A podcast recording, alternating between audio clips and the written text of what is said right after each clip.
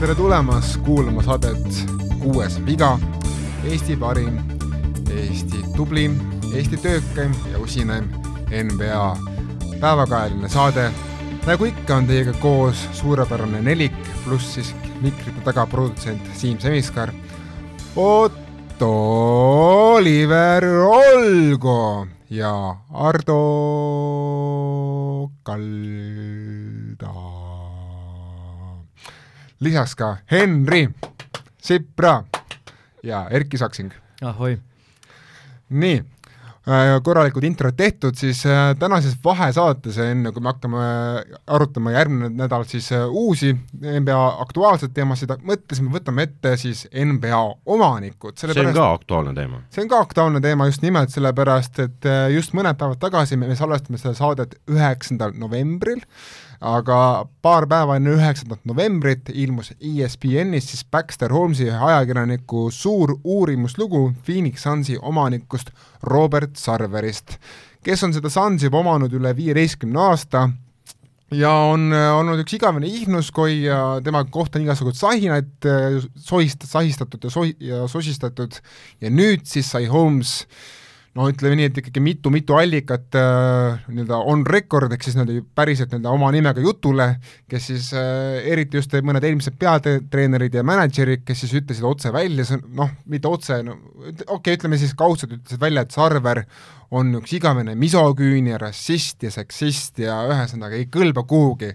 ja on aeg, et see omanik saaks ka bänni NBA-lt, nagu sai mõned aastad tagasi Los Angeles Clippersi omanik äh, Donald Sterling aga ütle, ütlen kohe siis nagu ka meie kuulajatele nagu hoiatuseks, et äh, see lugu kerib veel kaua, praegu NBA palkas siis ühe eraldi firma tegema siis niisugust siseuuringut äh, Phoenix Sunsi organisatsiooni kohta. Ja mina arvan nii-öelda noh, niisuguse NBA fanaatikuna, olles näinud niisuguseid kaasusi ikka varemgi, et niisugune protsess, uurimisprotsess võtab aega no mitmeid kuid, enne, ehk siis ma arvan, et me saame nagu teada, mis siis Sunsis on juhtunud ja mis ei ole juhtunud, umbes seitsme-kaheksa kuu pärast.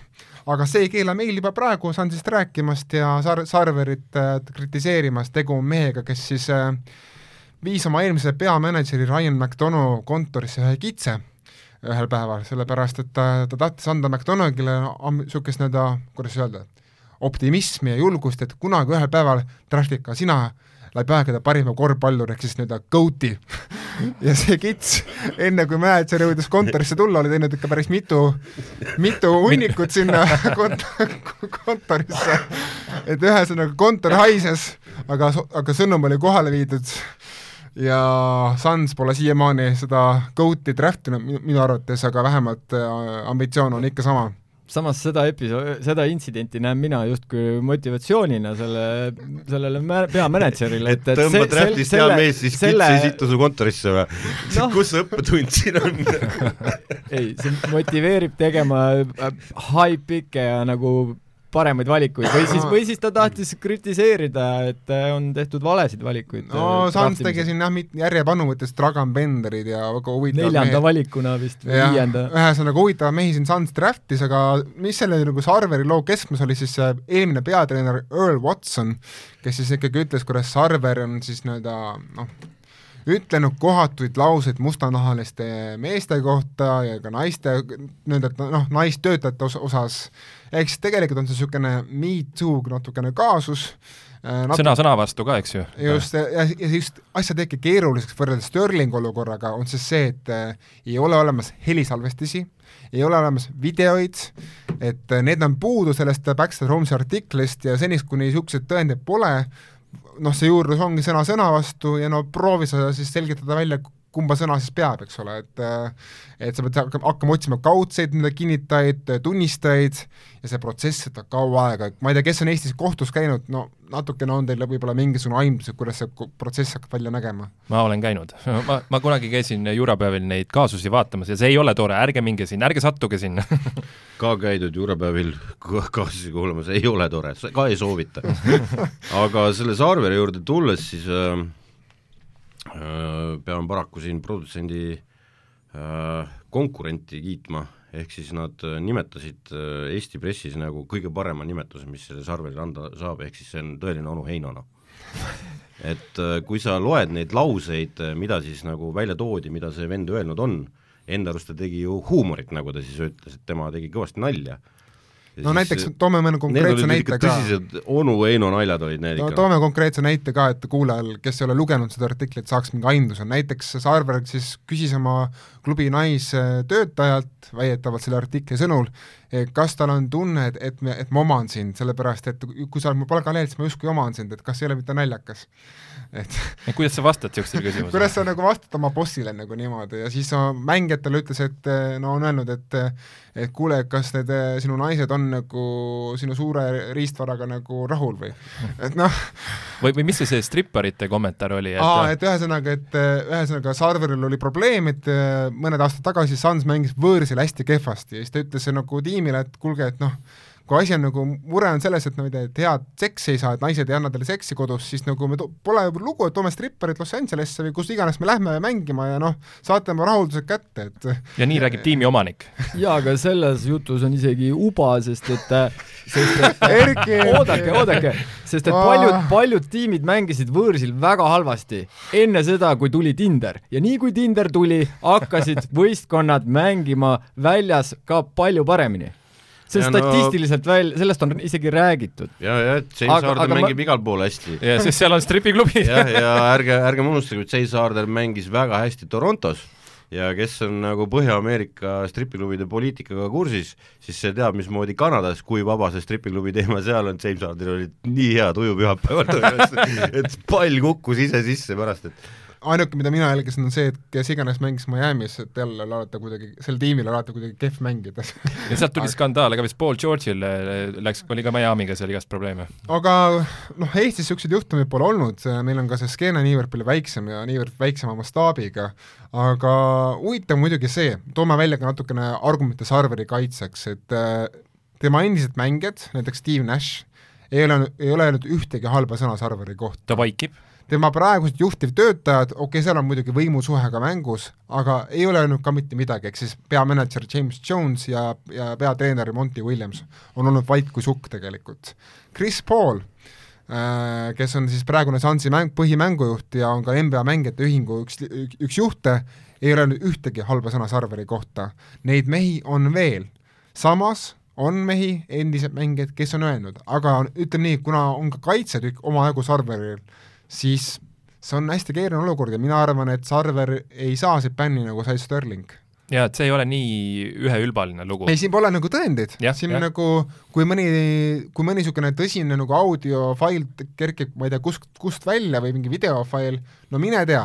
et tuleb välja see toon, kuidas ta ütleb neid. jah ja,, aga kui me vaatame nagu neid hääletusi, kus äh, siis on hääletatud äh,, me Hendriga siin oleme lugenud neid, neid edetabeleid, siis äh, pea, noh, omanike kohta, et, et on siis skaudid ja, ja kõik niisugused vennad on siis andnud oma hääli, sest Sarver on ikkagi üsna madalal kogu no, aeg. aastaid olnud, sest ta on müünud kõ-, väga kõrgeid drafti valikuid lihtsalt miljonite eest maha, ta ei ole nagu olnud huvitatud sellest, kuni viimase aastani tegelikult, ei olnud ta kunagi investeerinud niimoodi, et tiim maksaks kõvat luksusmaksu. jah, ja teine asi on see, et äh, ka kohalik publik on äärmiselt rahulolematu olnud Sarveriga aastaid, aastaid, aastaid. on ka põhjust olnud. ja, ja on ju peetud neid suuri, neid kommuunide koosolekuid, kus on nagu nõutud, et, et leiame sellele klubile kuidagi uue omaniku, et, et, et Arizona korvpall ja Barkley ütles, et seal on väga halvad Doritos ja kaste seal peal on kohutav. juust, juust pidi olema ka, ma ei tea, ei ole sulanud ja ja, ja aga noh, see teema on nagu väga tõsine selle vennaga olnud seal sest et äh, teda ei ole huvitanud ka kohalikud fännid nagu, et ta on, ta on ka nendest võõrdunud tegelikult nojah, siin on muidugi natukene see eliidiseisus versus nüüd tavarahvas nagu ikka, et äh, tavarahvale ei meeldigi eriti miljardärid, kes äh, niimoodi koorivad seitse nahka, et saaks vaadata kehva tiimi mängu jaa, aga noh, samas kui me vaatame selle venna suur, suuvärki, siis ma ei tahagi võib-olla miljardäre tunda, kui nad sellised on, et äh, aga õnneks, õnneks on olemas ka seal teistsuguseid omanikke, kes, kes pööravad selle, selle vaate nagu täiesti teistpidi, eks. kuidas Sarver oma raha on saanud? see on väga hea küsimus no noh, selle, selle tausta põhjal ütleks, et ta on puuviljafarmi omanik jah, puuvilla. jah, puuvilla, jah no, kõik, kõik, ma või ütlen, kirjutab aforisme. Äh, ma, ma tahtsin vastata sulle konkreetselt kohe vastu, aga siis juba Henri võttis üle, ma, aga ma ütleksin nagu noh, on seal lõpuks nagu mingit vahet, et äh, on vahe, on äh, sülle kukkunud äh, rutsiga või vennad on. self-made ei, man. ei või no on self-made Sarver on Sarver on ettevõtja ja ettevõ-, ja Sarver on ikkagi suurema osa oma varandusest teeninud ikkagi ise, et ei pangandusest kaheksakümne neljandal aastal siis äh, Tussoni panga asutaja no ühesõnaga on, on, on, teinud, teinud ise, self-made man ikkagi. ei, ei ole nii-öelda saanud pärandusena jah, nagu mõni naine või poeg siin, eks ole, Los Angeleses. jah, me jõuame selleni, Otto, aga on selles suhtes on seal ka väga positiivseid näiteid, milleni me jõuame alles saate lõpus paraku, see on see eestlaslik teema, et noh, öelge midagi ilusat ka lõpetuseks. aga kui on äh, halb omanik, võtame siis äkki äh, härra Dolani ette, et oota, enne oota, see on minu Oota. koht, oota ma ma enne, enne Sarveriga ütlen seda, et äh, see on minu hästi radikaalne nägemus, aga minu nägemus on sellest, et kui sa oled omanik ja sa oled lasknud oma klubil olla play-off'ist väljas üle kümne aasta, siis vabandust, aga minu arvates peaks olema teistel omanikel õigus sind omanike klubist nagu välja visata.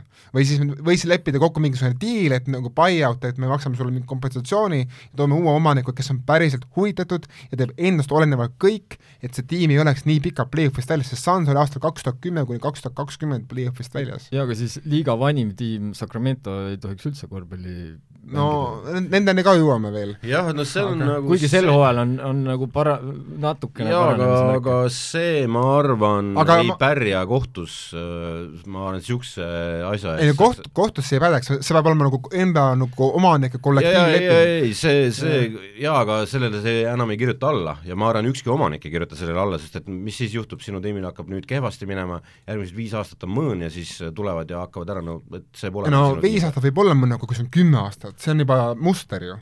see, see on liiga libe tee, kuhu minna sellepärast, et siis hakatakse mingi, see, seal on mingisugune sul tekib mingisugune punkt kellegi käest saada tiim kätte kehval ajal odava hinnaga, see on ma arvan, mis kunagi Seattle'iga juhtus. ja, ja see, see keelatakse, see on täiesti ei no välistatud. ma tean, et see on välistatud, see on, see on minu kardinaalne ja nagu radikaalne nagu nägemus ja lootus, et kui, Ja- kui ja- kunagi see juhtub. ja teine väga libe tee on seesama, see igasugused need äh, seksuaalsed ahistamised ja nii edasi, seda on nii lihtne fabritseerida ja kui sa selle põhjalt lähed sõna sõna vastu ja võtad kellelgi tiimi ära, siis oi, kuidas hakkavad ärimehed kihama, sellepärast et oot-oot, mis asja, keegi tuleb, fabritseerib selle minu juures ja isegi sinu, Henri, lemmiktiimis Tallases on sellest juttu olnud, eks ole. ja, ja kui niisuguse asja pealt hakatakse seda ära võtma, siis ma arvan, see keeratakse nii pahupidi, see, see on totaalne seal peab rohkem olema asju, jah, see on seal, selge. seal peab olema ikka jah, oh, no midagi, see Sterlingu äh, case on nagu see pidepunkt, eks ja ju. ütleme, et no ühesõnaga Sarveri puhul tuli nüüd, tuli lõ- lõpuks see lugu välja, aga meil on ju nii palju omanikke veel, kes on olnud aastaid ja aastaid oma klubi eesotsas ja teinud noh, kui mitte võrreldavaid, siis vähemalt enam-vähem sama väärtusega tempe ja, ja väljaütlemisi ja üks neist on James Dolan, New York Knicksi noh, kurikuulus omanik ja Ardo, sa tegid uurimustööd Dolani ja kohta tegin, tegin jah. Noh, James Lawrence Dolan äh, on siis olnud nendes edetabeli põhjades äh, tippudes ka? ja noh, kui teistpidi on tehtud need tabelid, siis jah, on ta top kolme mees on ta alati, tavaliselt on ta esimene, vahest harva teine, kolmas mitte kunagi. Kniksis siis, kui me võtame väikest statistikat, kaks tuhat kaks kuni, kuni kaks tuhat kakskümmend üks on seal olnud kaksteist põhipeatreenerit seda arv, seda siis niimoodi, et ei loe neid interim treenereid, kes siis vahepeal on nagu olnud, et peatreenerid, kes on olnud palgal peatreenerid, neil kaksteist tükki seal on nagu valitud treenerid. jaa, valitud treenerid ja noh, oleks siis, et, et see mingisugune nii-öelda suvaline noh, vabandust, produtsent, aga mingi sitarida, mis sealt läbi on käinud, aga see ei ole noh, seal on olnud Lenny Wilkens ja, ja kurjam, mulle isiklikult Hornacek ei tundu ka üldse halb treener, eks, ja, ja nii edasi, et, et noh, veel viimased, eks ole, noh no seal käis ju äh, kontoris Phil Jackson käis seal ja Phil Jackson ei olnud ta peatreener. oli kon- kontoris. jaa, jaa, aga noh, see oli loodusõnnetus. et äh, milles on nagu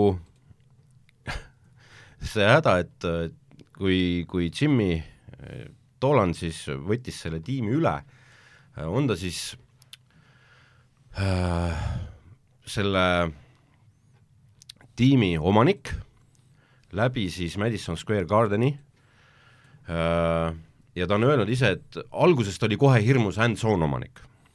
siis nüüd on ta hands-off omanik, ta ise ütles seda intervjuus, tema on hands-off omanik, ta on nii hands-off, et, et Madison Square Gardeni ülejäänud juhatus kaebas ta kohtusse ja ütles, et sa oled nii hands-off siin Madison Square Gardeni ka, et ma tahan palka tagasi saada. et vend saab seitsekümmend viis miljonit aastas lihtsalt palka, aga, aga aga see selleks, hands-on tähendas seda, et teistel kõigil olid hands-tied siis.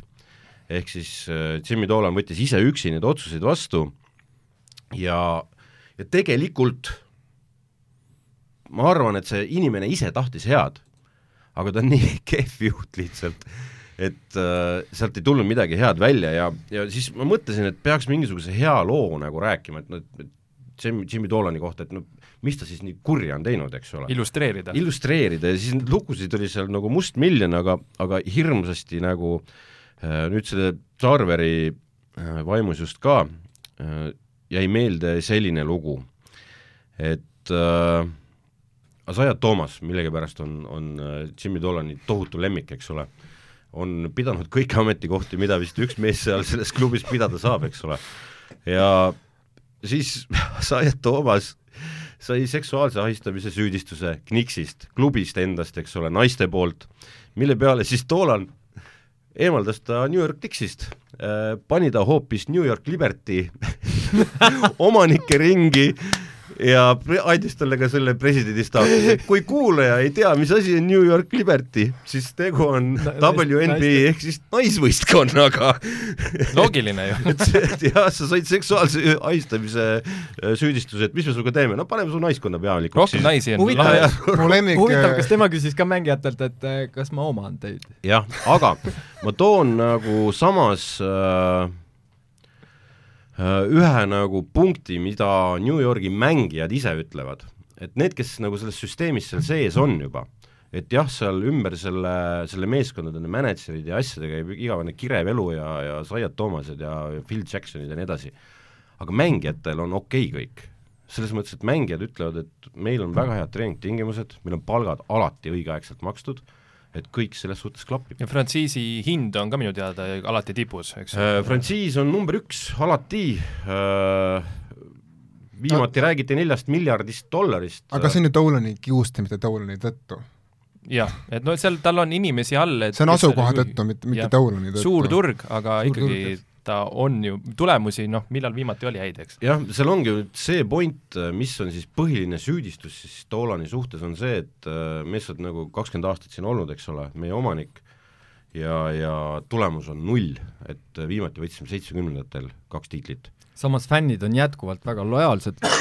mitte Dolanile. seda küll. no Spike Lee läks väga tülli. klubil on lojaalsed. ei no no seal on ju nüüd olnud palju neid intsidente, kus Dolan lihtsalt laseb välja visata inimesi, kui nad hakkavad chantima seda näiteks Charles Oakley. ja no Charles Oakley oli hoopis teine teema, ta ei olnud see Sell the Team teema, aga aga noh, tema oli väga, väga tõsiselt mitte Dolani usku nagu kogu ülejäänud New York, eks. ja no ka põhjusega, no see Dolan ei noh, eestikeelsest sealt tema perekonnanimest saab nagu, nagu järgmise nagu tuletuse teha, eks, et tegu ja, ja tema head sõbrad on Harvey Weinstein ja, ja Epstein jah, kellest on äh, tema teinud kantrilaulud, sest et ta tegelikult on hoopis kantrilaulja. jah. mitte Ja- pank-, ei, tema ei olnud pankur, vabandust.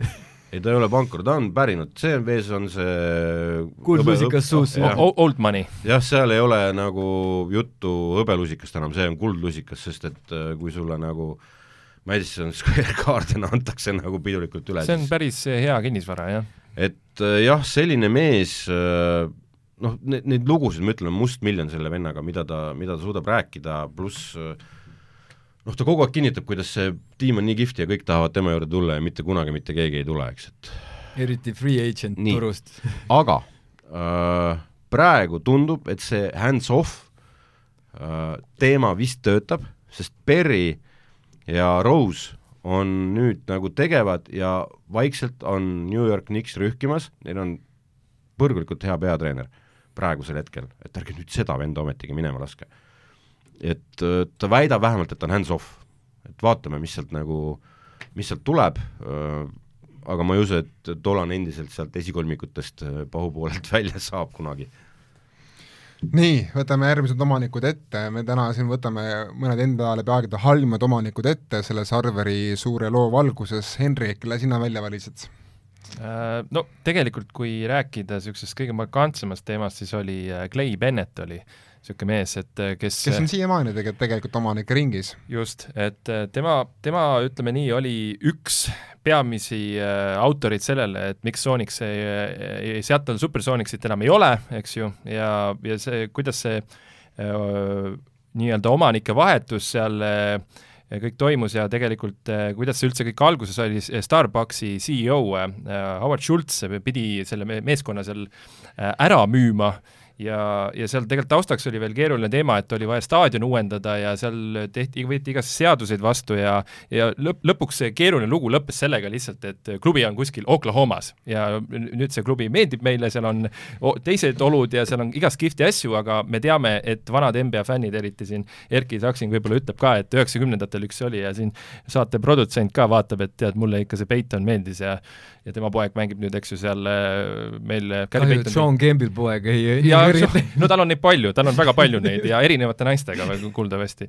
aga jah, et äh, seal siis tõesti äh, Clay Bennett, tema, ütleme, suurim, ta ei, tal ei olnud seal ümber mingisuguseid ahistamisteemasid, mitte midagi, lihtsalt üks suur blunder seoses selle omanike suhte vahetamisega ja ta pettis põhimõtteliselt linna selle kogu ta lubas, et ta lihtsalt Pet... valetas, ta valetas. lihtsalt valetas näkku kogu linnale ja... see on USA-s väga tavaline. just ja, ja seal natukene võib-olla talle saab nagu pehmendavad asjaolusid, et see muutus talle väga ebamugavaks, eks ju, aga ütleme nii, et ta hävitas ühe frantsiisi eh, selle pärimuse täielikult, eh, see frantsiis, mis draftis Kevin Duranti ja nüüd on kõik Oklahoma City Thunder, mis on väga tore klubi, aga nüüd me Otto peame lemmikklubi. Otto lemmikklubi. Utah Jazzi kõrval. huvitav, kas Seattle'i meistritiitli vimplid on nüüd siis Oklahomas? on küll, need on seal üleval laes, ma tahtsin just jõuda selleni, et kõige õudsem selle asja juures on see, et kui pidevalt räägitakse, et viime Seattle'isse klubi tagasi ja seal noh, Seattle'is elab, Seattle on imeilus linn ja imeilusa koha peal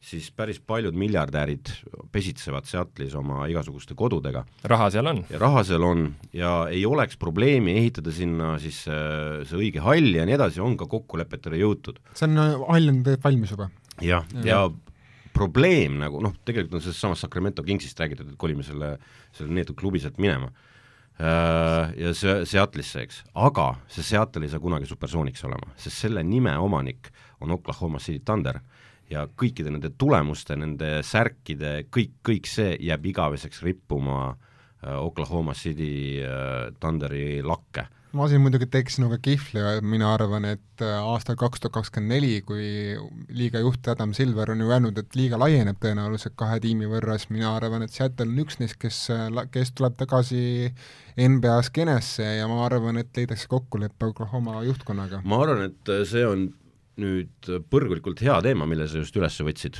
ja me peame sellest rääkima, kui sa seda juba nimetasid. see on järgmise vahesaate teema. ei ole, ei ole, noh see on liiga lühike teema selle jaoks, et terve vahesaade teha, aga, aga ma arvan, et see on väga hea teema. et sa arvad, et Seattle'ile antakse äh, nagu laienemise puhul äh, terve tiim või? ja, ja äh, Lääne konverentsi? Äh, üks, jah, sellepärast Minnesota läheb idasse, sest see on logistiliselt palju loogilisem, see Minnesota, see tasub nagu läänes, on kõige üks absurdsemaid asju praeguse NBA juures. ja, ja teine on see, ma arvan, et teine linn, kes saab endale tiimi, on kas Mexico City või siis Las Vegas. Las Vegas, Las Vegas, ma tahtsin selleni jõuda, Las Vegas on kõik olemas. NBA klubi pole. jah, ma räägingi, et sinna, seal on raha seal on hall, seal on kõik asjad olemas äh,, olen seal ise käinud vaatamas, et Vegases on kõik olemas selle jaoks. ja logistiliselt asukoht ka sobiks. jaa ja., ta on seal Utahi ja LA vahel. ja põhimõtteliselt on lennujaam üle tee hallist, et äh, et siis selle jaoks kolitakse Minnesota minema, et lääne Lääne konverentsi panna kaks meeskonda juurde. jah, siis on mõlemas on nagu kuusteist võrdselt. jah. jah ja ma, ühesõnaga ma arvan, et kas Vegas või Mexico City, sõltub, mis on see NBA plaan nagu välisturgudega. aga siinkohal on muidugi see, et Polmer, kes oli üks põhiinitsiaatoreid sellel, et Seattle säilitaks selle klubi ja ta oli nõus ükstapuha mida maksma, ise ehitama seda halli ja nii edasi, Palmeril on juba klubi. Et äh, kes on Seattle'is täna see, kes, kes Leitakse. on see korvpallihull, kes hakkab seda üles tõmbama. Neid miljardäre leitakse küll, ma arvan, selles pole mingi probleem, et Seattle'is on neid mehi Bill Gates peaks ka seal elama minu teada ja niisugused mehed on seal iga Bill Gates äh, Palmeriga hakkavad korvpalli mängima, see saab päris huvitav. aga meil on ju üks Microsofti mees ju äh, seal omanike ringis praegu ja noh, kas ta läheb hea või halva peale, noh, ta on pigem no, ta on hea, ta on pigem, ikkagi pigem hea, hea, eks ju. Steve Ballmer, eks ju, et Bill Gates ütleb, kuule, Ballmer, et sa, mis sa siin jamad selle Clippersiga, et ma, ma siin teen Ballmer maksab tänavu Clippersi eest nii palju luksusmaksu koos selle Warriorsi me jõuame selleni, oota, see, okei, me see jõuame. üks koht, kus me räägime häid asju ka. Aga Erkil on kindlasti mingisugune jube, jube, jube monster, kellest rääkida kaks sõna. tegelikkuses ei ole, et selle Seattle'i, Seattle'i juurde tulen tagasi, et Seattle'i publik või tähendab, Seattle'is on korvpalli populaarsus nagu väga-väga suur, et nad igatsevad seda ja, ja see mulle tuli nagu uudisena, et äh, Minnesota idakonverentsi, mis on nagu jah, mina kirjutan sellele alla ja, ja nüüd on küsimus lihtsalt see, et kui nüüd tuleb- rohkem meeskondi, siis kuidas nad, kui siis tuleb mänge ka juurde, et kuidas nad selle asja lahendavad? See, see on lihtsalt kalendri tegijate väl-, väljakutse, ma arvan, et see ei ole mingi probleem, sest mängude arv jääb ikka samaks tegelikult, lihtsalt mänge natuke rohkem. okei okay, eh, Jah. ainuke, ainuke omanik, kelle, mis ma siis kodutööd tegin, ma ei saa üle ega ümber le legendaarsest eh, Pulsi omanikust, ma ei tea, kolmkümmend, üle kolmekümne aasta omanik olnud eh, Reinsdorf, et eh, palju õnne, ei maksnud Pippenile väärilist palka ja kogu see, kogu see, kogu see pood pandi kinni peale seda, kui eh, eh, Jordan oma viimase viis- Aga see on ju- viimase viis- oot, oot, oot, oot, oot, oot, oot, oot, oot, oot. see oli ju Krause natukene teema. Krause teema, aga, aga ära nüüd unusta seda, et äh, seda lepingut nagu kui omanikul ei ole nii palju mune, et ta ütleb sellele skaudile, et kuule, sina puhka jalga, et äh, tead, Pippenile öeldi, ära tee seda lepingut. Ja ei öelnud seda keegi muu kui Chicago Bulls ise. sest Pippen tahtis lihtsalt, et oleks palju aastaid seal ja pärast hakkas kägisema, et liiga vähe raha saab. Olnud vähe kannatlikum ja uskunud endasse natukene rohkem, teinud lühem leping ja saanud pärast rohkem raha. ja siis on, kõik on, kõik on Chicago Bullsi süü, ei ole, Chicago Bullsil tema nõudis seda lepingut, ta tahtis seda, ja kui ta selle kirjutas alla, lepingu sai, siis see ei olnud tegelikult madal, see oli ei olnudki, aga talle öeldi, ära tee seda lepingut, Scotti. aga temal oli ei, tema peab selle tegema pikaks ajaks bla, bla, blablabla, palju raha tundus tol hetkel. halvad nõuandjad võib-olla. halvad nõuandjad, hea nõuandja oli Chicago Bulls ise, kes ütles, et ära tee seda lepingut, noh. Et see, see oli nagu, sa, Erki, oled ebaõiglane praegu. võib-olla. aga seal ma saan noh, selles mõttes toetada, et kriitika mo- momente oli küll ja veel, eks ju, et ja, ja sealt- no aga kas siis klubi peab tulema, ütleme, me maksame sulle siis lihtsalt nagu peale või? jah, et see, See, see on, NBA-s on mõned reeglid, millele nagu vastu ei saa minna, ehk siis klubid ei saa suvaliselt äh, hakata plekkima nagu. ja, ja üheksakümnendatel ei olnud seda luksusmaksu asja ka või, või väga vähesed klubid olid nõus seda maksma, võib-olla oli seda, sedapidi. Teate, te siin räägite huvitavat juttu, aga ma tuleksin tagasi omanike teemale, kui, kui ta, kui soovite. jah, kuulame siis, mida Pane siis puid. on öelda Sacramento Kingsi ei, ei, ei olegi Saate saak, saate saak. ei, ei. Otto, Äh, mul on siin mitu asja, esiteks äh, mõtlesin, ma võiks rääkida pikalt äh, Sacramento Kingsi omanikest, mitte ühest omanikust, ehk siis äh, Vivek Ranadiv, kes on tõenäoliselt üks, kes on praegune Kingsi omanik ja üks ja üks kõige kehvemaid omanikke, sellepärast et ta on niivõrd hands-on, ma arvan, et hea omanik on, alati hands-off, lihtsalt praktika näitab seda, et hands-off on palju parem lähenemine, välja arvatud mõni üksik erand. Ja tein-, enne, enne siis Ranadiivi oli Malufide perekond, kes oli nagu legendaarselt ihne perekond ja kes peaaegu oli, oli müümas seda klubi Seattle'i investoritele, aga siis tuli kohalik linnapea ja endine NBA mängija Kevin Johnson, kes siis nii-öelda viis, no ühesõnaga hoidis selle tiimi ikkagi Sacramentos, aga nad pole üldsegi kehvemad omanikud. ei ole ka Chris Cohen, kes oli Warriorsi omanik üheksakümnendatel ja nullindatel ja tegi noh, kelle tõtt-, kelle halvade otsuste tõttu oli Warriors aastaid NBA peksupoiss, ei ole ka Glen Taylor, Minnesota Timberwolvesi praegune viimased kuid ametis olev oma, omanik, kes müüs just oma, klubi ära, aga kes siis maksis Joe, oli see Joe Smith, ma arvan, see mees, kellele ta maksis nii-öelda ühesõnaga ütles ümbrikus. ümbriku, ümbrikumaksu ja tänu sellele võeti Minnesotalt ära drafti valikud suure tõenäosusega esi-, top kolm valik. ja tänu sellele keerati põhimõtteliselt pekki kogu see Ke- Kevin Garnetti tiim seal Minnesotas tegelikult. Äh, sealt oli ridamisi halbu otsuseid seal Minnesotas, seal ka palgati peamänedžeriks niisugune mees nagu David Kahn, kes draftis no ma ei tea, mis mehed enne, enne noh, praeguse NBA legende. Radoslav Nestorovitš. no ta seal oli ka, seal oli ka see mees, oota ütle nüüd, Flynn e, enne Curryt. ja see Glen Taylor oli ka enne Sterlingut oli ainus NBA omanik, kes on eh, seda suspended, ehk siis on mängu aga me jõuame nüüd kahe põhilise meheni, üks on Sterling, kes on ainukene mees üldse, kes on saanud NBA-lt eluaegse bänni ja Ted Stepien, kellest ma räägin teile varsti. aga Donald Sterling siis, sai bänni Clippersilt, äh, ma lihtsalt toon teile, toon teile väikse ajalootunni, aasta on tuhat üheksasada kaheksakümmend, sa oled San Diego elanik ja su tiimi ostab ära siis ABA, ühesõnaga tiim ostab ära mees nimega Steve, mitte Steve, Donald Sterling ja Sterlingu esimene lause on siis see, et teate mehed, et ja naised, et äh, Clippersis saab niisugune klubi, mille, mille te üle te võite uhked olla, sest me oleme siin aastaid play-off ides. mis juhtus? Clippers on äh, siiamaani ho hoiab rekordit äh, aastate, aastate järjestikuste aastate arvestuses, kus ei olnud play-off'is, Clippers kolis ära San Diegost, ehk siis Sterling valetas tegelikult. Äh, ja, ja muidugi aastal siis kaks tuhat, no ühesõnaga kogu need nullindad, noh, Sterling tegi nii palju märkusi seal afroameeriklaste suunal, et noh, Sarver on võrreldes Sterlinguga ikkagi täielik pai poiss. poisike. Jah, no poisike, ütleme siis tõesti niimoodi ja ma kohe ütlen ka paar lauset õpib ametit alles et äh, me just rääkisime, et äh, Sterlingu kohta oli siis lekkis audiofail, ma loen siis teile selle audiofaili nagu transkriptsiooni ette, ehk siis mida siis Sterling seal failis ütles. see võtab tunde või? Ei, see võtab, see võtab umbes kümme sekundit. Need on värvikad. ta ütles oma, ta ütles oma tüdruksõbrale, kes oli temast loomulikult kolmkümmend aastat noorem äh, või isegi rohkem, vist äkki viiskümmend aastat ühesõnaga, mind häirib väga see, et sa käid läbi mustade äh, meestega ja mustade inimestega üldiselt. sa võid magada nendega, sa võid neid tuu-, sa võid neid tuua mõnikord koju, aga palun ära too neid mängudele mängud on pühad. sa oled pagana klubi omanik, kus sul on enamik mängijaid mustad mehed no mida, no mida paganat. ja, ja kusjuures paljud mängijad, kes on Clippersis mänginud, Baron Davis, äh, Elton Brand, nad on öelnud, et see on kõigest jäämäe tipp. ja, ja sellest äh, loost äh, üldse hiljuti natukene avanes Blake Griffin, et ta rääkis, et kuidas ta oli seal sees selles asjas. jaa, ühesõnaga Sterling oli ju komme, tuule pärast mängude lõppu oli see võit või kaotus, riietusruumi, kus mehed alles pesid ennast, noh, hakkasid ennast riietama, ma näitan praegu Erki peale ette, et te saaksite aru, ta tuleb selleks niimoodi kuule, et äh, räägi siis, kas oli, kas oli hea mäng või? kas oli, ühesõnaga, ma tegin siin väga praegu homoerootilisi nagu see lähenemiskatse.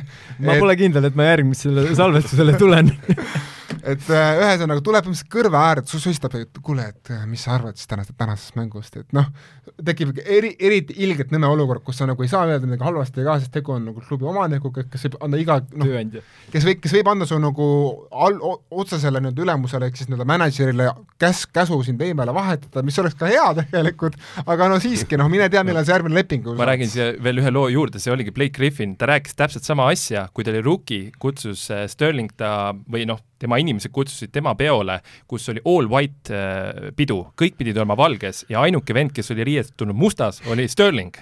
ja siis ta võttis käest kinni äh, siis Blake Griffinil ja hakkas ta ringi vedama, samamoodi niimoodi läks, võttis kõrva, kuidas sulle meeldib, kas kõik on hästi, vaata siia, näed, sa selle inimesega tuttavaks, kõik ütlevad talle äh, kõrval, et kui läheb eemale Sterling, et ta ongi selline, ta ongi selline, et pea, pea vastu, vaata, ja vot niisugune omanik oli siis Donald Sterling. Ja noh, reaalajas ju sellest eriti ei räägitud, kõik on hiljem välja tulnud ja sellest loost rääkis ka praegu JJ äh, Rediku podcast'is alles. no ühesõnaga, paljud arvavad, Sterlingu tõttu tegelikult kogu see Chris Paul, Blake Griffin, DeAndre Jordani Clippers, mis oli tõenäoliselt parim Clippersi tiim läbi kõigi nende aastate, lagunes, sest äh, tol hetkel tuligi see Sterlingu skandaal ilmseks ja loomulikult kõik mängijad ja peatreener Doc Rivers olid sellest skandaalist väga häiritud ma ütleksin, et ma oleksin ka, kui keegi ütleks mulle, ühesõnaga, ma ei tea, ma ei tea, mis, mürgine keskkond seal oli, aga mul on hea meel, et Sterling on eluaegselt NBA-st eemal. no seal oli hea väärtus. Sterling on nii vana juba ka, et aga no, see, pole seda pikka elu. aga teate, enne Sterlingut oli umbrohi muidugi ei hävine. enne Sterlingut oli Sterlingu vaarisa ühesõnaga Sterling on veel ikkagi täiesti naljamäng ühe teise mehe kõrval, kelle nimi on Te-, Theodore Stepien, kes oli Cleveland Cavaliersi omanik ja tema näiteks laused on näiteks sellised, et ükski tiim ei tohiks olla ainult valgete, valgetest mängijatest koosnev, aga mustatest mängijatest koosnev. Äh, see mind häirib NBA juures, sul on äh, liiga, kus siis äh, fännide seas on must umbes kümme protsenti, aga mängijaid on kaheksa protsenti, see ei ole ba- balansis. Ja, ja New York Knicks on sada protsenti mustanahalistest mängijatest ko- koosnev, see ei kõlba kuhugi. Need on kõik Äh, tsitaadid. see on kõik tsitaadid. sellised, sellised tiimid ei saa kunagi fännide lemmikuteks. pealegi, mustad inimesed on vaesed ja ei osta piisavalt tooteid ega fänni, fännimaterjali, mustad inimesed üldse ei saa mängust arugi, olgem ausad, NBA tiimi eh, siis nii-öelda omamine on nagu iga teise äri omamine ja, ja, ja peab kõiki faktoreid arvesse võtma. ta juhtis nagu poodi seda.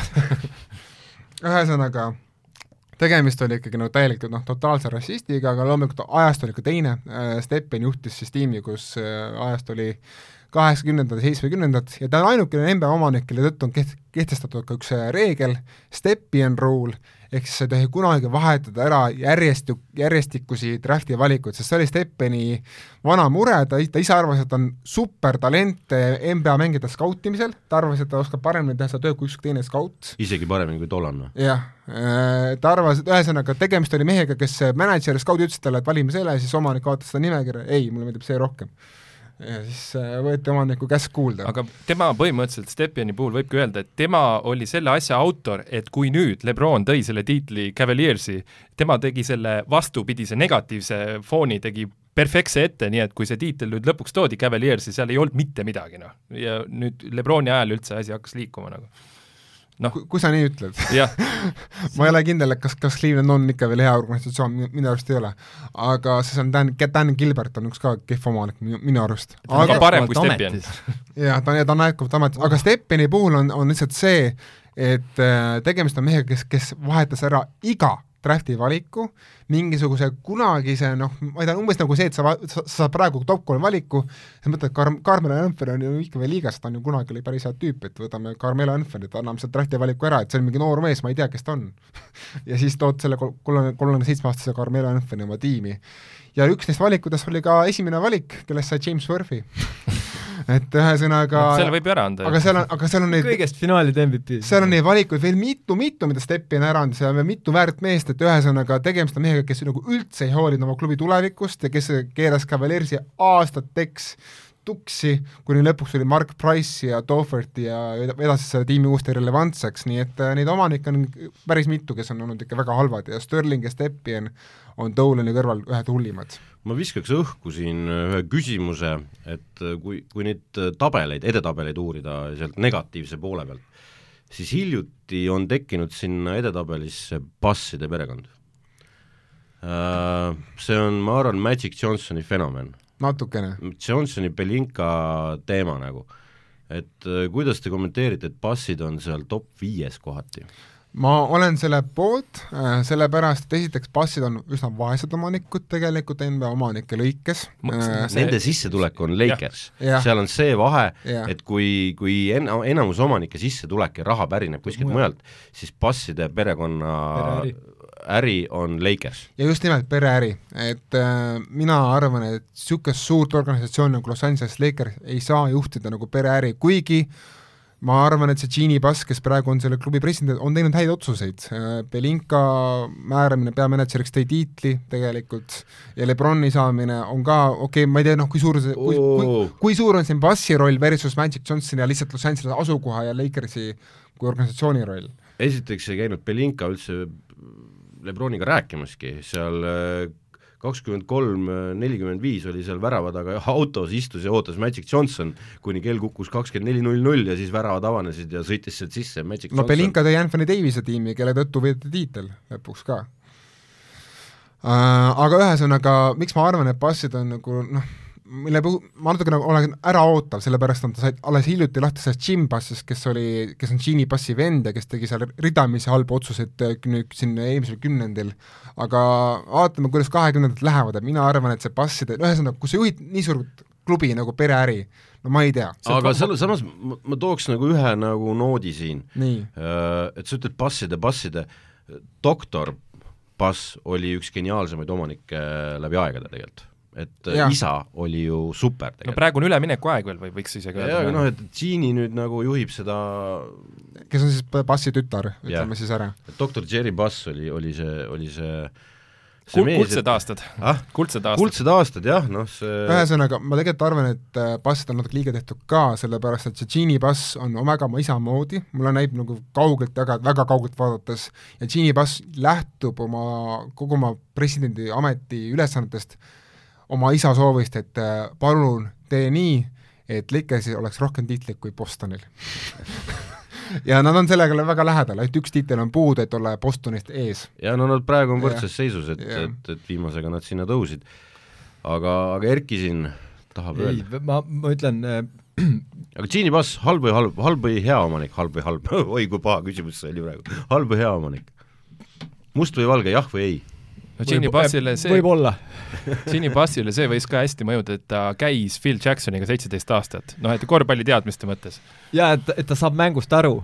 jah, seda küll, et äh, väga palju omanikke, kes ei saa üldse mängust aru, nagu, nagu, nagu, nagu näiteks Vivek Ranadiv Kingsis, kes andis päriselt Tauskas. kes andis päriselt Vlade Divacile, meeskonna peamänedžerile ja peatreenerile siis korralduse mängida niimoodi, et äh, kaitses on neli meest ja siis üks mees on seal vastase korvi juures, et äh, ootab oma, ootab palli, et panna korvi seal, nagu lihtsalt niisugune mees on omanik, noh. jah, no samas äh, ma tean, et sulle ei meeldi üks omanik, kellest me ei ole täna rääkinud.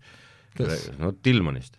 Tilman Ferdita. aa, Rocketsi uus omanik, no see on Ihnuskoi ja ta on äh, kas sa saad öelda, oot, et ta tegelikult on Ihnuskoi, ütleme niimoodi, et äh, Fertita need äh, äh, noh, Tillmani kõik, Ameerikas ütleb Tillman lihtsalt, mulle ka meeldib eestlasena öelda, et Tillman, aga Tillman, Tillman.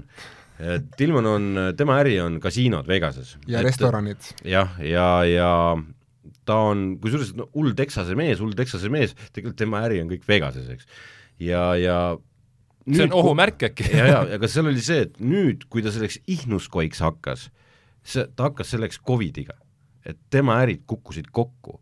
jah, see oli ka jah. kas on õige öelda mehele, et kuule, mis sa nüüd ihnutas, miks sa raha välja kütad ja samal ajal tal teiselt poolt põleb niisuguse leegiga pappe, et annab padruneid? see ei ole Ihnuskoi tegelikult, okei, see on, see on nagu sekundaarne põhjus, põhiline on ikka see, et tegemist on minu arust jällegi hands-on omanikuga, kes ei hoia üldse oma suud nagu noh, vaos, kes ja nagu Harden tahtis kohe ära kes ju. võtab igal pool sõna, tema tõttu lahkusid seal järjepanu Mike D'Antoni äh,, Daryl Morey, James Harden, tema tõttu, mitte, mitte tei-, mitte teiste fa- fa- faktorite tõttu no Tillmaniga on see, et kes nagu Ameerika televisiooni viitsib vaadata, siis näeb sealt päris palju teleshowsid, kus osaleb Tillman nagu nii-öelda miljardärina siis, kes aitab mingeid ärisid hädast välja. väga karmi ütlemisega vend on, ta juhib oma teisi ärisid ka raudse rusikaga, otse näkku. jah, põhimõtteliselt nagu väga-väga julm, aga töötab.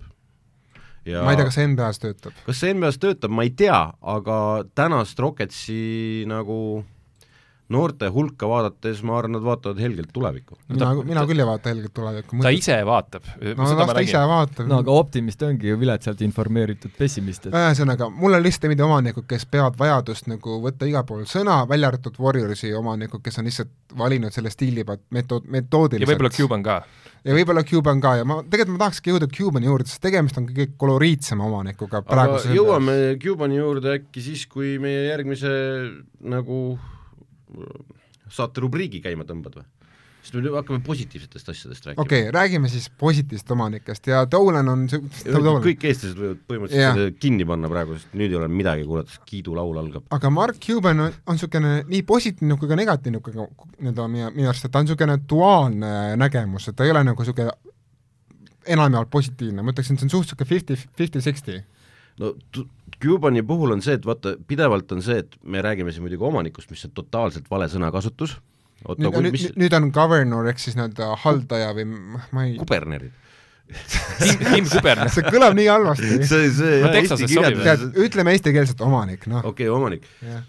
kui on igasugused omanike hääletused erinevatel teemadel, siis Cuban on see üksik saar alati, kes vastu hääletab kõikidele, mis teised nagu poolt hääletavad. nüüd ta tõenäoliselt Polmeri näol on leidnud endale mingisuguse liitlase seal, aga aga GS-i omanikud tõenäoliselt, kuigi ai oota, ei ole, Cuban ei saa ju Silicon Valley'ga läbi ju.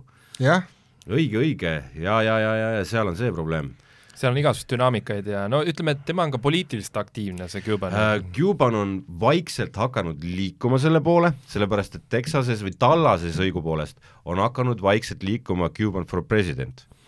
et äh, noh, nad on ühe tola välja kannatanud, eks ole nüüd, ja, ja ja siis ta mõtles, kusjuures nad olid sõbrad äh, selle tolaga ju päris pikalt. ei olnud ei olnud, ei olnud, ei olnud, ei olnud, Cuban ei ole suurem asi suhtlesid. kindlasti. ja nad ei ole nagu, nad on suhtlevad, aga Cuban arvab üsna halvasti nüüd küll.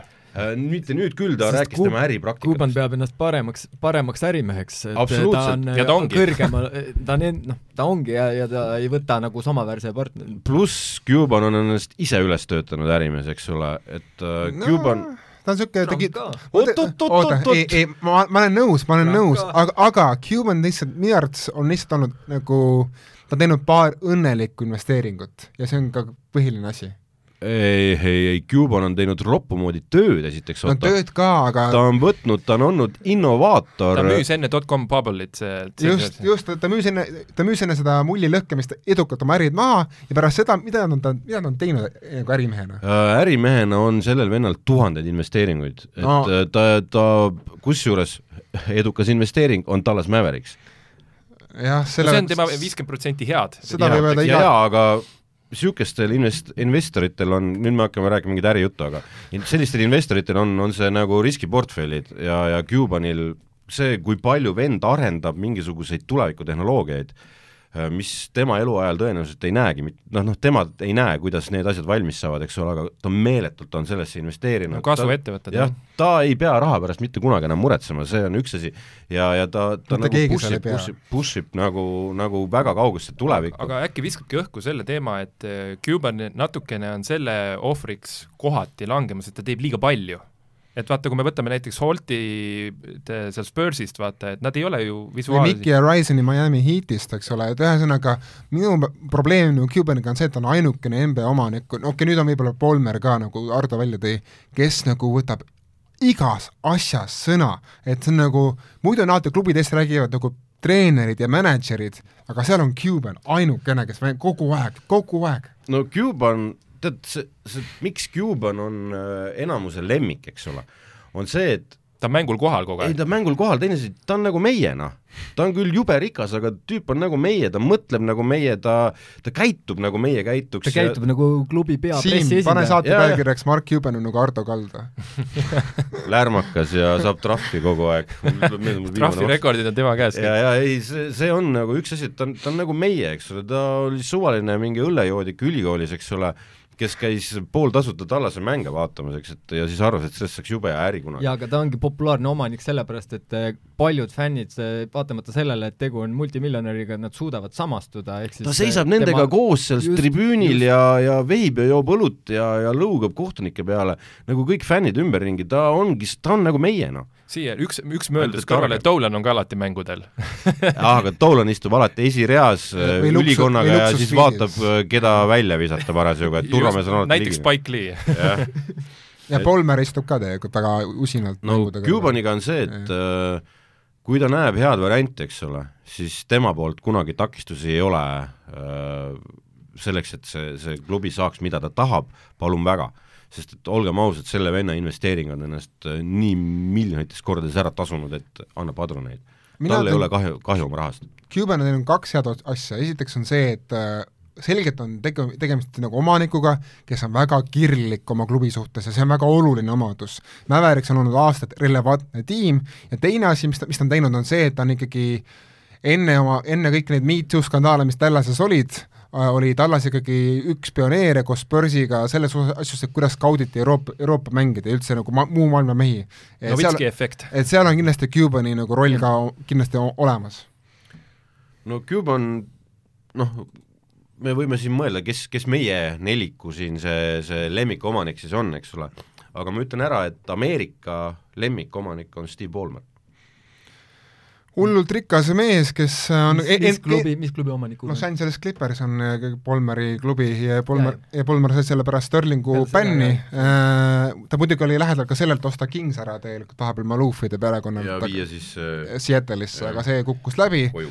Ja Polmer on nüüd nii rikas inimene, et ta on kõige rikkam inimene üldse seal omanike ringis ja ta maksab praegu Clippersi eest luksusmaksu, no see summa on niisugune, et Eesti Kaja Kallas, ei mitte Kaja, Keit Pentuse silmad lähevad roheliseks.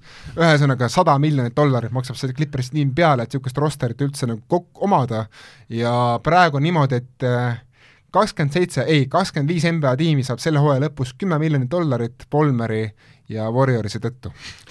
Et äh, üks asi on veel see, et äh, Polmer tegi selle julge liigutuse ära äh,, temal raha on, tal ei ole kahju, ta ehitab Clippersile halli. uue areeni, jah jah, ja see pull seal käib, pal-, kas järgmine aasta saab vist see rendileping läbi vist? Äh, jaa, absoluutselt, ja, ja Polmer tegi selle ära, lihtsalt tegi ära ja läheb teise linnaosasse üldse, et, äh, et olla kaugel sellest neetud Lakersist et mitte elada nende keldris enam. no sealt, kust nad tulidki, San Diegost, eks ju, et tuleks see eraldamine nüüd ära teha, et see oli ikka Sterlingul paras, paras jama, et ühe katuse alla, nii rikkad klubid peavad ühe katuse all käima. see oli hea ka NBA fännidele, sellepärast et kui sa tahtsid näha tiime Los Angelesest, läksid Clippersi mängule, sellepärast et piletid olid kolmkümmend korda odavamad kui Lakersi mängud. jah, ja teine asi on see, et äh, kui sa lähed sinna Staples Centrisse, siis seal on ikkagi see, see pannakse ühe seina peal tuled kustu, siis teise peal põlema, et kus need särgid ja värgid ja tiitlid kõik on. ühel pool on ja teisel pool ei ole. need vendorid ja kes müüvad oma kraami, eks ole, nad on nagu lahtiselt, ehk siis nad ka vahetavad neid kogu aeg, kui sa näiteks lähed Pulsi koju, siis seal on nagu kindlad poed, seal müüakse Pulsi kraami, see on, kõik on jube kihvtilt üles ehitatud, kõik Pulsi peal põhimõtteliselt nagu, nagu tänavakaubitsejad. ja, ja nad näevadki välja nagu, nad keset koridori nagu teevad oma asju seal, et see on äh, päris nõme nagu. aga Po-, Polmeri puhul lihtsalt see, et ajakohane olla, siis Microsofti aktsias on tal enamus nagu pappi, et siis nüüd äh, viimane info on, et sada seitseteist miljardit dollarit on väärt. jah, aga ma toon ka selle, et juba on äh, Polmer pidanud mõõka ristama siin Dolaniga, sellepärast et ta tahtis ju Clippersi kiirelt minema kolida sealt. ja sealsamas, kuhu ta nüüd ehitab, on ju tegelikult saal. ja oli nõuetele vastav, kõik oli vägev, kelle oma see on? Madison Square Gardeni oma. see Foorum, eks ju. jaa, ja see Dolan kes on Space Jam'i vaadanud, siis seal oli see nagu legendaarne ümmargune, seal oli ka jah, ja Dolan keeldus seda talle müümast. no uskumatu, eks ju. ei no uskumatu, aga nüüd ta ehitab sinnasamasse kõrvale teisena. Ja mis sa arvad, mis selle Madison Square Gardeniga, see, see, ma arvan, Palmer on geniaalne ärimees ja noh, see, mismoodi keegi, vot Cu- Cuban on teine, kes niimoodi kaasa elab nendele mängudele vist äh, Palmer on võib-olla veel hullem, nagu see põeb nagu, kui meeskond mööda paneb, siis nagu oleks Palmer ise mööda visanud alati, niisugune tunne on, et mu lemmik NBA podcast on siis Oklahoma City Thunderi podcast Down to Dunk või Twitteris tuntud kui Down, kui Down to Dort ja seal on niisugune äh, saatejuht Andrew Schlecht, väga hea podcast, soovitan kuulata, ja tema niisugune kõll või noh, mida mina tean, vaata Ardo Kalda, on, on see, temal on see Steve Ballmeri I m just fired up to be here today, be cool, be cool everyone, be cool. Ja see ülenigine. ja siis sa alati tõmbab mind käima, et vau, nagu niisugune tüüp nagu noh, tal on see Microsofti kõne ka, developers, developers, developers, developers, developers. ja see tuli peale Sterlingit Jah. sihuke vend, noh, kust see leiti, noh? jah, ja ja ütleme, et ei ole kahju rahast seal, seal ole. nagu pritsitakse seda niimoodi igas suunas, et, et kuhu vähegi võimalik on. Erki, kes sinu lemmikomanik on? ma ütlen, tunnistan ausalt, et äh, mul on, mul oli, mul oli väga huvitav teid kuulata täna, et, et äh, omanike, omanike, omanike poole pealt äh, no minu jaoks siis äh, me, mulle on sümpaatsed need, kes ongi nagu visionäärid, et äh, kes näevad suuremat pilti ja ei äh, noh, kelle, kelle siis nii-öelda rassistlik maailmavaade on, et vihkab kõiki võrdselt, on ju. et, et oled sa punane, sinine, kollane, aga, aga Ku-, Kuban on jah, nagu kõige koloriitsem ja, ja, ja see Clevelandi omanik, ütle see nimi uuesti, ma Dan Gilbert vot selle, see, see on, see on legend, et selle kirjutas Comic Sansis selle kurja kirja pärast Lebroni lahkumist, see on tõesti aga legendaarne. kuule mehed, kas me ühte nime siis väldime nagu kulutuld nagu Michael Jordan? ah jaa, ei taha väldime rääkida? ja ma Väldime, kusjuures väldime. Sest see ei ole- see- see tõelise eestlasena Henri proovib negatiivset oled- momenti tuua ei, ma positiivsesse küsin rubriiki. meelega siis nii, kas me näeme päeva, kui me räägime positiivses saate pooles Michael Jordanist? kui omanikust ei näe. Kas Michael Jordani, ta tegelikult ei ole ju hands-on vist väga või? no ei ole, aga tema raske teema, vaata, kõik, kõik armastavad mängijana, aga omanikuna mitte nii väga. jah, Jordan on sama mure, mis passidel, et tal on nagu liiga vähe raha. Nüüd Jordanil endal ei ole vähe raha, ei no tal aga on ikka võrreldes teiste rikkuritega seal. no võt-, võta Polmeri kõrvale, noh. ei no pool see on out of league. aga noh, teine asi on see, et äh, no Charlotte Hornets on ikka nii väikese turu yeah. klubi, eks ole, et seal nagu mingit revolutsiooni tuua noh, ei ole tegelikult, eks ole. kuigi vot mängijad, omanike ringi tulemine, kes olid esimesed üldse, kes hakkasid tulema, et äh, Garnett no äh, Jordan oli esimene, kellel oli raha, et seda teha. nüüd, nüüd on, nüüd on Garnettil, tema, tema on nagu hüüdnimi on Big Ticket, eks ole, tal on see raha ja, olemas, no Grant Hillil oli raha olemas, Shaquillil, et ühesõnaga neid mehi on küll, kes on ah, ja Dwayne Wade. Dwayne Wade on, võttis noh, mikroskoopilise osaluse Utah Jazzis jah, aga see on nüüd nagu küsimus küsimärgi all veel endiselt, sellepärast et keegi pole päris kindel, et on selle eest raha maksnud. No Donovan Mitchell saab Wade'iga rääkida, sellest piisab. selle võib kõik kokku võtta, et fake it till you make it ja, ja süsteemid toimivad. ei, ei, seal on NBA-s on päris kindel reegel, tasuta mitte kellelegi ei anta mitte ühtegi osaluse tükki ka NBA-s, see on keelatud. paber kannatab tehti kõike. tehti barter deal, noh, ma arvan, et et seal peab raha vahetama kätte, et see äh, ja, ja. ja raha vahetabki kätte, aga see pole lihtsalt Wade'i raha. aga no Jordan noh. mis temast ikka rääkida? jah, aga Võit ma, ja pead veini ka, et ma tahaks läbi hammaste pigistada ühe nime ära, et äh, tegu on ühe klubiga, mis mulle üldse ei meeldi, lihtsalt nagu ajalooliselt kunagi lapsena hakkas vastu käima ja no käib vastu siiani. aga noh, Holt, no on hea omanik olnud, see perekond on, on äh, super hästi, nad on iseennast üles töötanud perekonnaärina ja, ja need lapsed kannavad edasi neid väärtusi, mida head mida lapsed? Mida nende vanemad on, on selle klubi ehk siis San Antonio Spursi äh, omanikena Popovitšil lasknud teha, mida vaja on teha äh,? Alates üheksakümne kuuendast aastast äh, kuni siiani, vaadake ise, mis on juhtunud San Antonio Spursiga no ma usaldan pereäri San Antonios, aga ma usaldan pereäri Los Angeleses, ma arvan, et see Los Angeles mürgitab kuidagi ära. ja, ja, ja oota, siin on see vahe, et äh, Holtide jaoks ei ole see sissetulekuallikas. tähendab, noh, on, aga ta ei ole see põhiline kogu pere sissetulek, Holtid on ju legendaarsed traktorimehed, et no ma mainin siis ära ikkagi, ma tahtsin kiire vaheremargini selle mängijate omaniku osas, et äh, miks ma vihkan ka Glen Taylorit, Minnesota viimaseid kuid ametis olevat omanikku, on see, et ta ei lasknud Garnetti omanikke ringi, mis on nagu täiesti lubamatu minu arust. nii, aga nüüd kuulake kõik, siit tuleb Otto Oliver Olgo lemmikomanik NBA-s, kelleks on? Joe Lacob ikkagi Äh, kes on valgusaasteid eespool teistest omanikest enda sõnutsi, äh, mitte siis teiste arvates. ja mulle meeldib Warriorsi puhul see, et täitsa lõpp, kuidas nad investeerivad sinna klubisse pärast seda, kui Warriors oli aastaid ja aastaid NBA prügitiim. Äh, ja nüüd on noh, tegemist ikkagi NBA ühe kõige glamuursema tiimiga, nad ehitasid uue üli no ülivõimsa areeni sinna, sinna San Francisco mere, mere äärde, otse mere äärde põhimõtteliselt, nii, nii äärde, kui saab vähegi panna. ja no muidugi see ei ole nagu emotsioonid kusjuures ei ole üldse hea saal. No,. eelmine, eelmine oli parem. varem olid nad Oaklandis, Oakland on ju nii-öelda niisugune geto, kurat, noh. see, see, see Golden State Warriors mängis getos, ma tahtsingi selleni jõuda, kes on käinud San Franciscos, see, see teab, mis asi on Oakland, mis asi on Oakland, on ju.